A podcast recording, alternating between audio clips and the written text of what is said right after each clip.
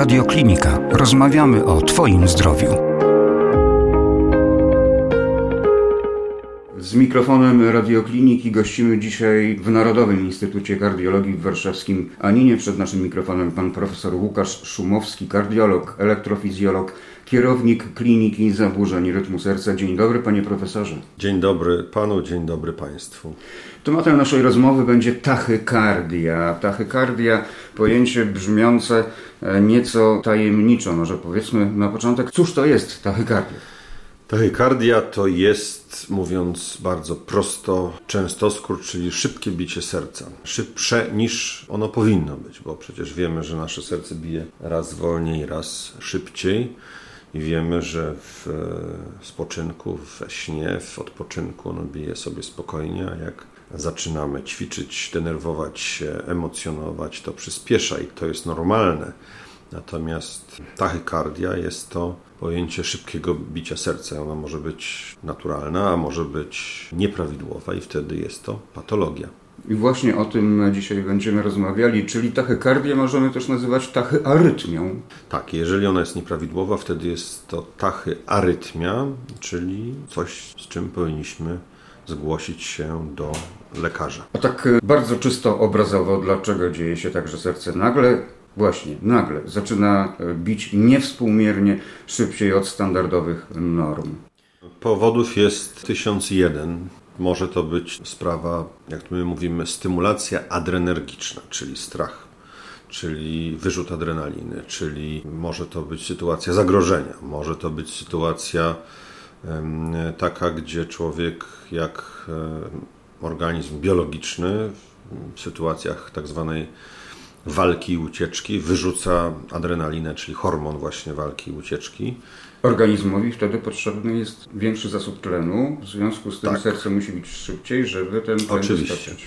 No, po pierwsze większy zasób tlenu, po drugie zwężone naczynia w odpowiednich miejscach, odpowiednich rozszerzone. Wiemy, że przecież musimy dopchnąć tlen i oczywiście glukozę do mięśni, żeby móc albo sprintem uciekać, albo walczyć. I oczywiście skurczyć naczynia skórne, dlatego się czasami w zdenerwowaniu robimy bladzi ze strachu, no bo przecież uszkodzenia skóry w walce nie powinny krwawić zbyt intensywnie, więc ta adrenalina ma bardzo wiele różnych działań hormony właśnie walki, ucieczki, ale jednym z ich obszarów działań jest właśnie przyspieszenie czynności serca. To takie atawizmy tutaj się odzywają w człowieku. Nie, nie takie atawizmy znowu, bo w końcu cały czas jesteśmy poddawani różnym stresom, różnym stymulacjom adrenergicznym. No czasami sami sobie je fundujemy oglądając jakiś straszny film albo e, idąc gdzieś w miejsce, które powoduje emocje i i właśnie e, wyrzut adrenaliny.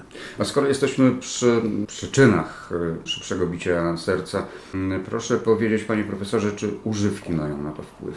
Oczywiście, że mają, bo wiemy, że są takie używki, takie narkotyki, które powodują przyspieszenie czynności serca, ale też poprzez centralny układ nerwowy, no, napady lęku panicznego, czy, czy też zwiększą konsumpcję tlenu, no to tutaj używek jest bardzo dużo. Mamy te stare narkotyki, mamy też nowe, zwane powszechnie dopalaczami. One też mogą powodować bardzo poważne konsekwencje więc y, używki owszem. Natomiast y, oczywiście w dawkach odpowiednich, takie no, również codzienne używki, kawa czy herbata również w ilości nadmiernej może powodować e, tachykardię.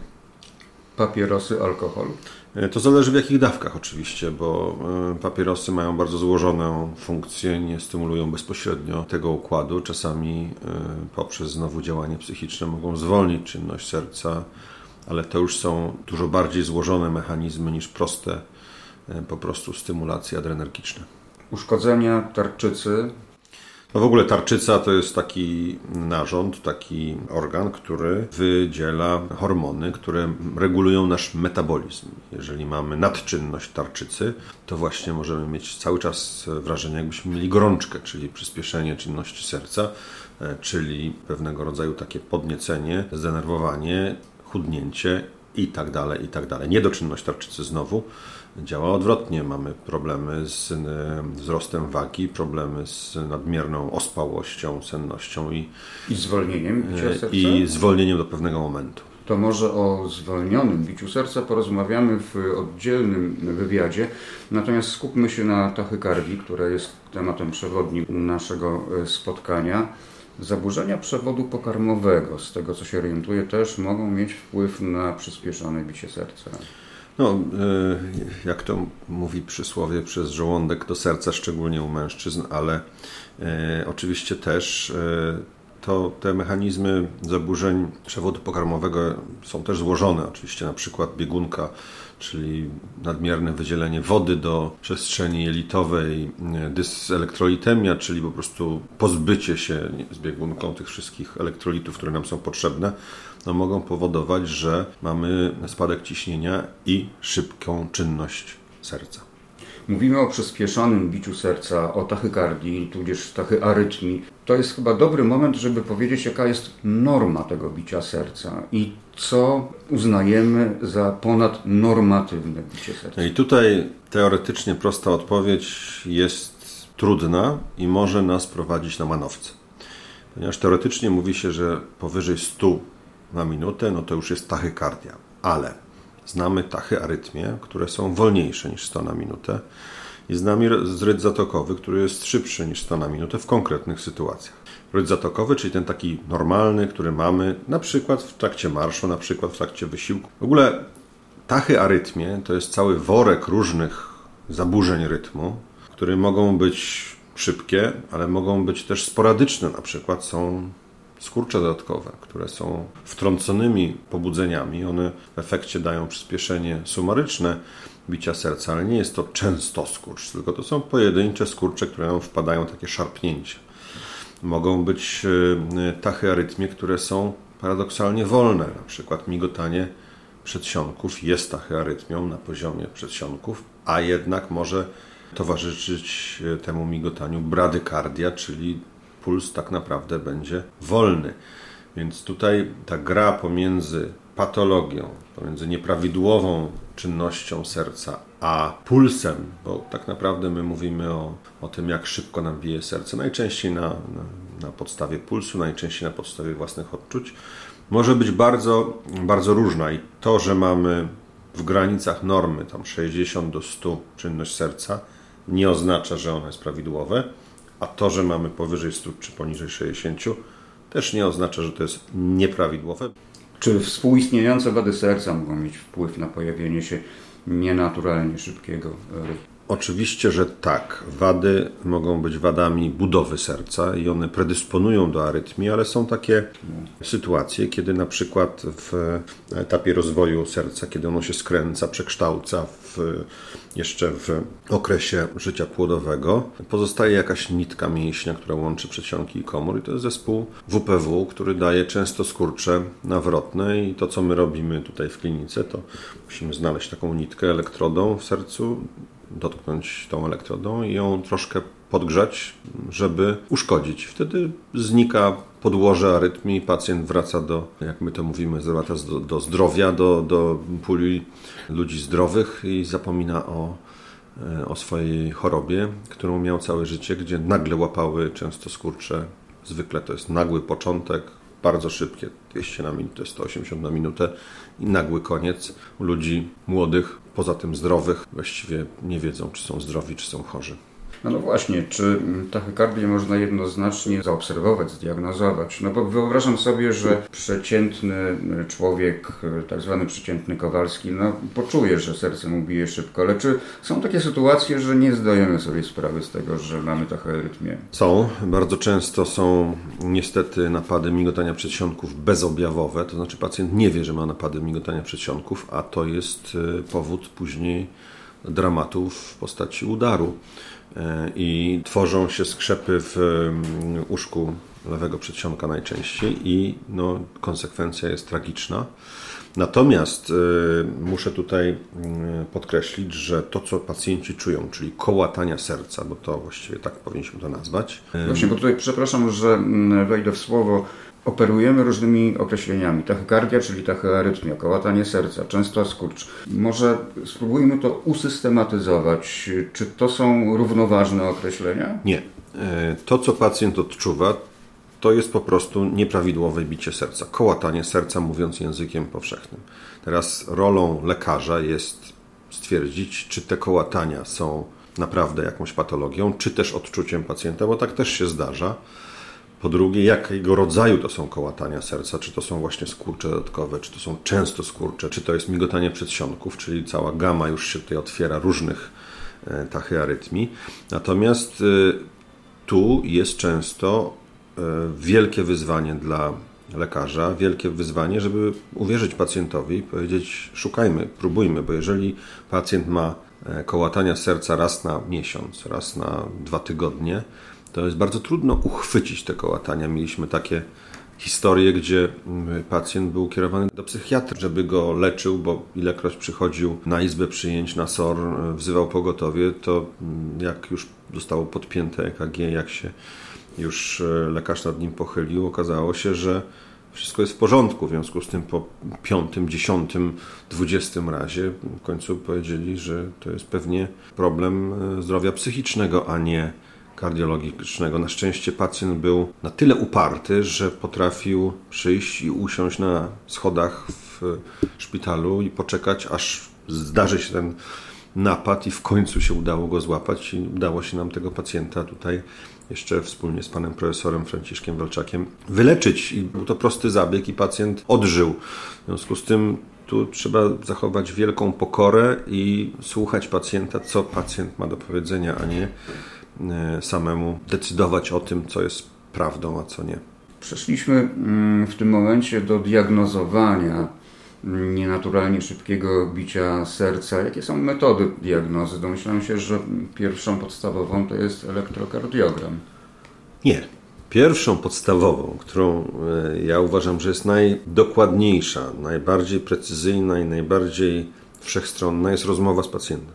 Naprawdę po rozmowie, czyli jak my to nazywamy, po przeprowadzeniu wywiadów, można bardzo precyzyjnie określić, co to jest, jaka to jest arytmia, jak ją leczyć.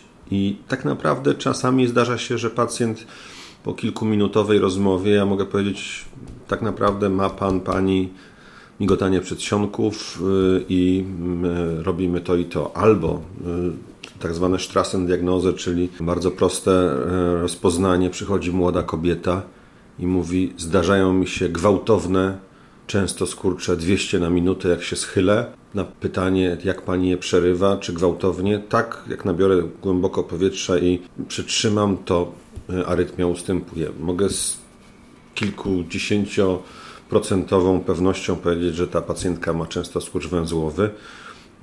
I mówię, no w większości przypadków będzie to prawidłowe rozpoznanie. Oczywiście to jest hipoteza, którą musimy potwierdzić.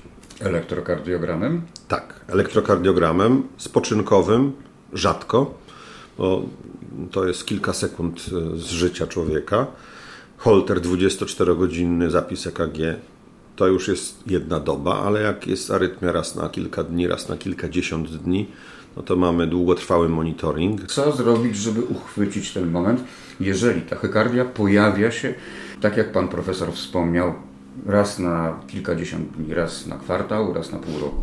Tutaj spektrum mamy duże. Myśmy robili taką pracę telemark, gdzie porównywaliśmy zwykłą ścieżkę pacjenta, czyli przychodzi do lekarza, ma założonego holtera, nic się nie złapało, zapisuje się znowu, ma następnego holtera i tak dalej, i tak dalej. Tutaj diagnoza kołatań serca trwała zwykle kilka miesięcy. Drugiej grupie daliśmy długotrwały monitoring do 30 dni i okazuje się, że zwykle w pierwszym tygodniu, już tam po kilku dniach, byliśmy w stanie odpowiedzieć, co męczy pacjenta. W związku z tym to jest ten długotrwały monitoring zewnętrzny, ale jak pacjent ma no, bardzo już rzadkie e, zdarzenia, to możemy wszczepić taką pastylkę, taki monitor pod skórę na klatce piersiowej. Rejestrator pętlowy? Tak, rejestrator pętlowy. On e, rejestruje na przykład e, kilkanaście godzin, czy zależy od pamięci ile czasu. I jak nic nie zarejestruje i pacjent nie zgłosi się do odczytu, to zaczyna od nowa zapisywać pamięć. E, no i wtedy, jak coś się zdarzy, to pacjent może albo już zdalnie przez e, telemedycznie przesłać ten zapis, albo e, zgłosić się do środka, zostanie odczytana pamięć tego rejestratora i mamy wreszcie to, co pacjenta gnębi. Tak też rejestrujemy również taka zajawka brady arytmii, na przykład utraty przytomności z, powodu, z powodów sercowych. Jeżeli serce się zatrzyma, pacjent traci przytomność, zdarza się to raz na rok, to właśnie tutaj te rejestratory pętlowe są bardzo przydatne. A w przypadku utrudnionego zarejestrowania tachykardii, czy można ją wywołać sztucznie, żeby stwierdzić, że rzeczywiście istnieje? Tak, i tym właśnie się zajmujemy tutaj już zabiegowo. To jest e, dziedzina elektrofizjologii właśnie, gdzie nakłuwamy żyły lub tętnicę w pachwinach, w e, szyi, w podobojczykowe. Wkładamy cewniki takie z elektrodami do serca. Jeden, dwa, trzy. Brzmi groźnie. No, wygląda też groźnie, ale tak naprawdę groźne nie jest. No i albo stymulujemy to serce, czyli sztucznie wprowadzamy je w szybki rytm, w taki sposób, żeby stworzyć warunki łatwego zainicjowania tego często skurczu. Pamiętajmy jedną rzecz. Serce to jest mięsień, oczywiście, to wszyscy wiemy. Kurczy się całe życie, to wszyscy wiemy. Jest fantastyczny mięsień ale to nie jest tak, że on się składa z wielu komórek ze sobą oddzielonych. One tworzą tak zwane syncytium, to jest takie piękne słowo, czyli de facto w bardzo dużym uproszczeniu można powiedzieć, że to jest rozgałęziona komórka i po niej mogą prądy różne biegać. Prądy, które nie polegają na tym, że jest kabelek, który łączy punkt A do, z punktem B, tylko tak jak fale na wodzie, tak fale elektryczne rozchodzą się w tym sercu i tworzą wiry na przykład. Wir to już jest często skurcz. E, może tworzyć nie wiry, ale jedną falę, która łagodnie przebiega i wtedy to jest prawidłowy rytm. Ale jak widzimy falę, która biegnie i nagle się stworzą dwa kamienie, które rozbijają te fale, one się zaczynają ze sobą interferować i mamy takie migotanie na powierzchni wody. To na przykład tak działają blizny w sercu człowieka po zawale i tworzą coś, co zagraża jego życiu, czyli migotanie komór. Bardzo pięknie obrazowo pan profesor to opisuje. Widzę to oczami wyobraźni, tak jak i nasi słuchacze e, zapewne. Czy przez przełykowo też można wywołać e, często skurcz? Była taka metoda, ona jest rzadko w tej chwili stosowana, ponieważ no, nie jest komfortowa dla pacjenta, bo jednak e, to stymulacja przez przełyk, który leży blisko serca faktycznie, ale, ale ten mięsień przełyku jest błona śluzowa, musimy wyższymi prądami stymulować. W tej chwili, jeżeli już potrzebujemy badania elektrofizjologicznego, bo to tak się nazywa, to najczęściej wkładamy już elektrody do wnętrza serca. Dlaczego? No między innymi dlatego, że nakłuwanie żył i tętnic i wkładanie czegokolwiek do układu krwionośnego no nie jest pozbawione ryzyka. To ryzyko jest oczywiście minimalne i praktycznie powikłania zdarzają się niezwykle rzadko ale bez potrzeby nie należy tego robić. W związku z tym robimy to badanie wtedy, kiedy mamy duże prawdopodobieństwo, że wykonamy zabieg, czyli że będzie coś do zrobienia i coś do podgrzania, do zamrożenia, do e, zlikwidowania miejsca, które odpowiada za częstoskurcz. I w tym momencie przechodzimy do elementu naszej rozmowy, który nazwiemy leczeniem, bo jest co najmniej kilka metod leczenia tachykardii.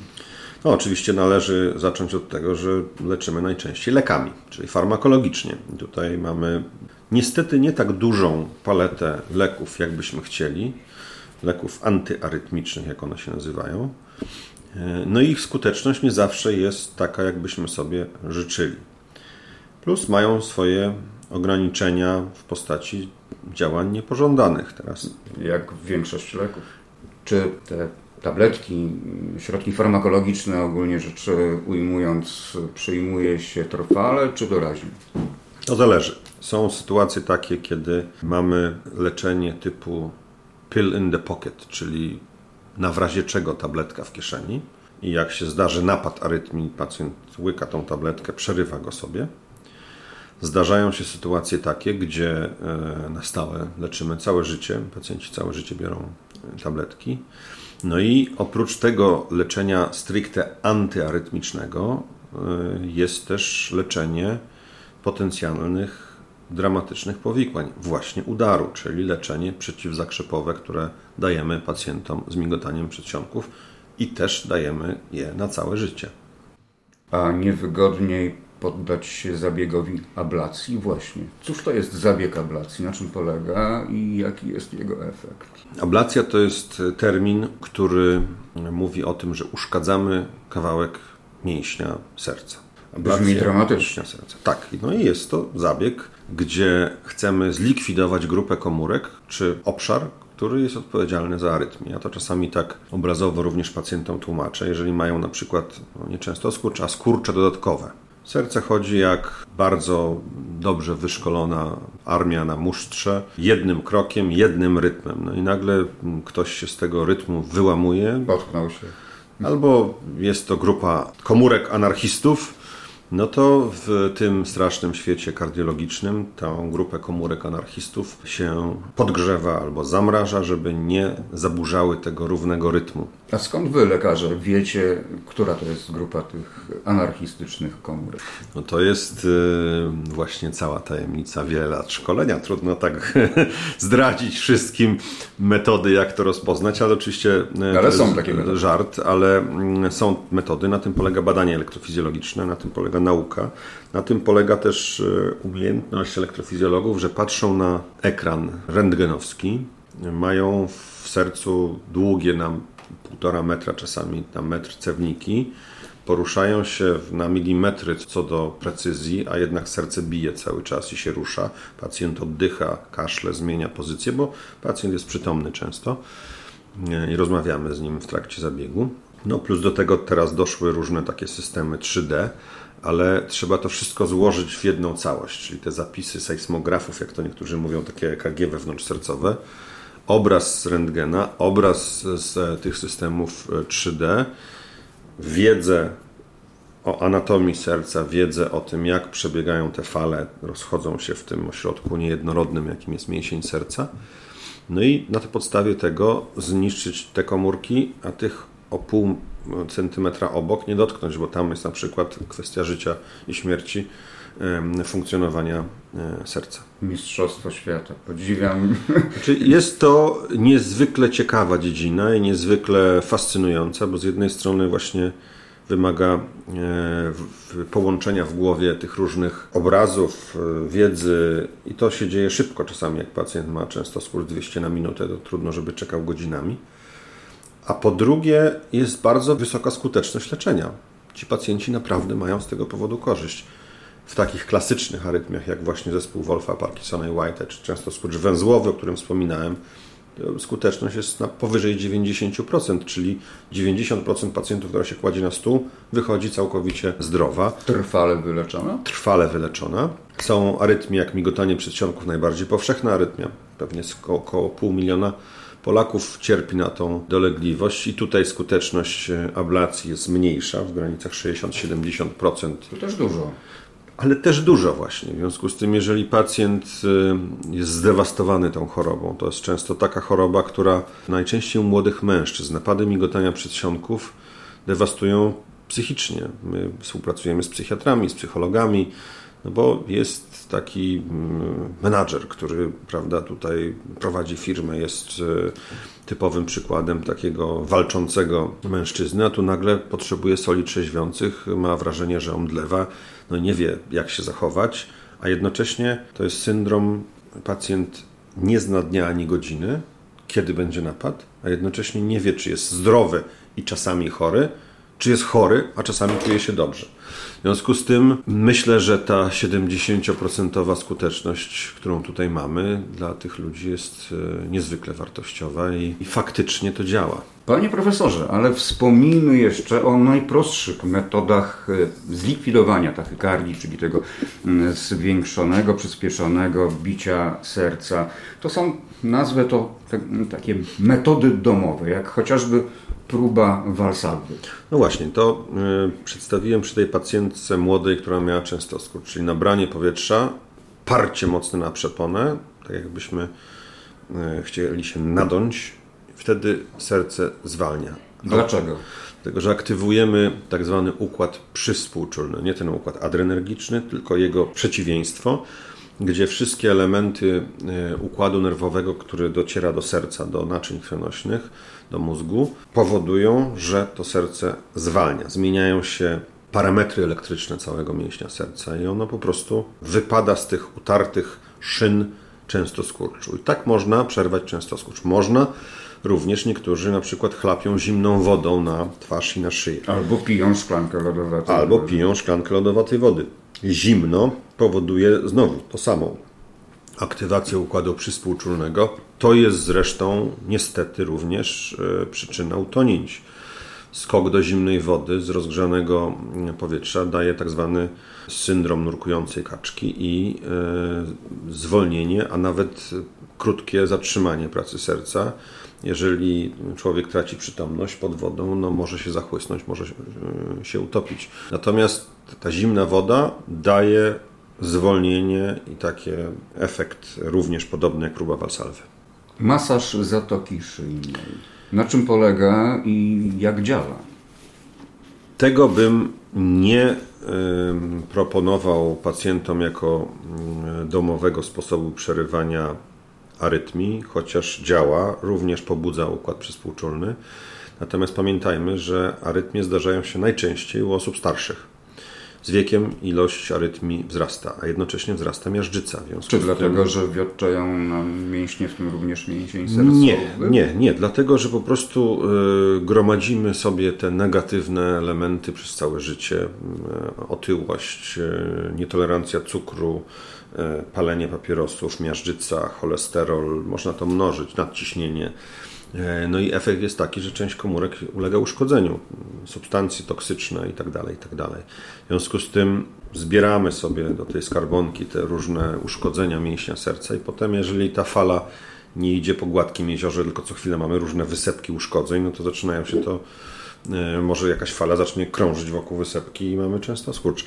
Natomiast jednocześnie wzrastają ryzyka arytmii, ale i wzrasta ryzyko blaszki miażdżycowej w tętnicy szyjnej. W związku z tym masaż tej tętnicy szyjnej no, może niestety spowodować na przykład pęknięcie blaszki miażdżycowej no i dramatyczny udar. Wolimy próbę walsalwy, ochlapanie, kucnięcie, napięcie się niż masaże zatoki szyjnej. Mocny odruch wymiotny. Wiem, że też potrafi powstrzymać Dokładnie w ten sam, tak, dokładnie w ten sam sposób. Ta sama metoda tak, działania. Tak, tak. Mhm. Ale Próba Valsalwy jest najpowszechniejsza, najbezpieczniejsza i najczęściej działa. Czy po ustabilizowaniu, czyli myślę już tutaj o ablacji, o której Pan Profesor opowiadał, należy kontrolować swój stan zdrowia u kardiologa, czy też po prostu zaprzestać? Nie, nie, oczywiście, że kontrolować, jak z każdym zabiegiem. E, fakt, że pacjenci po trudnych, skomplikowanych zabiegach nie trafiają do kardiologa na wizytę kontrolną, skutkuje wzrostem niestety śmiertelności z różnych przyczyn. Najlepiej pokazał to taki program, który wdrożyliśmy, KOS Zawał.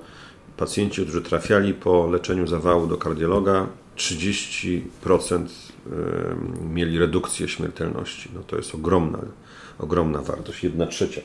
Natomiast tutaj po ablacji oczywiście, że potrzebujemy wiedzieć, czy nadal ma pacjent arytmię, czy potrzebuje leczenia dalej, czy nie. No oczywiście to nie wymaga jeżeli to znaczy, że ablację można wtórnie wykonać? Można, oczywiście. Są, tak, są sytuacje w bardzo uszkodzonych e, sercach, jak na przykład właśnie po zawale, czy w kardiomopatiach, gdzie tak naprawdę my staramy się pracować w sercu, które jest zdewastowane, które właściwie praktycznie się nie kurczy. No, mamy pacjentów, którzy są z ojomu przywożeni prosto na stół, umierający, co chwila mają zatrzymanie krążenia i to jest e, tragedia. No, czasami się udaje pomóc tym pacjentom. Pamiętam pacjenta, który miał 100 tych defibrylacji zrobionych przed ablacją. No i właściwie wydawało się, że szans nie ma po, po jakimś czasie na stole wyglądał strasznie, był obrzęknięty, był silny właściwie. Można powiedzieć bliski śmierci, a za jakiś czas przyszedł do mnie pan elegancko ubrany w garniturze, mówiąc, że dziękuję, bo sam wychowuje dwie córki i udało się go wyrwać z tych szponów e, kostuchy. Ja w ogóle nie wiedziałem, kto to jest, bo ten obraz pacjenta na stole, a obraz człowieka, który wyszedł na własnych nogach do domu i, i funkcjonuje, no był to, to były dwa obrazy zupełnie z innej rzeczywistości, a jednak czasami się to udaje zrobić. Wspomniał pan profesor, że równolegle z tachykardią y, może pojawiać się bradykardia, czyli zwolnione bicie serca. Tak, arytmie w ogóle mogą być jednocześnie i brady, i tachy. Tachy na poziomie przedsionków, na przykład migotanie komór, brady na poziomie komór, czyli tej pompy głównej, czyli mamy bardzo wolny puls, ale arytmię szybką w przedsionkach. I czy też może być e, arytmia w postaci właśnie na przykład migotania przedsionków, gdzie częstość pulsu waha się od 30 w nocy do 130 w dzień. No i pacjent nie jest w stanie funkcjonować. Wtedy leczymy i brady, i tachy arytmie. Na przykład wszczepiając stymulator, żeby podtrzymał od dołu częstość rytmu, a od góry lekami, które zwalniają częstość rytmu. Z naszej rozmowy płynie prosty wniosek, jeżeli doskwierają nam jakieś dolegliwości związane z pracą serca, bezwzględnie zgłaszajmy się najpierw do lekarza pierwszego kontaktu, później do kardiologa. Moim i naszych słuchaczy, słuchaczy radiokliniki gościem był pan profesor Łukasz Szumowski, kardiolog, elektrofizjolog, kierownik Kliniki Zaburzeń Rytmu Serca w Narodowym Instytucie Kardiologii w warszawskim Maninie. Panie profesorze, pięknie dziękuję za tę rozmowę i wyczerpujące informacje. Bardzo dziękuję i pozdrawiam wszystkich.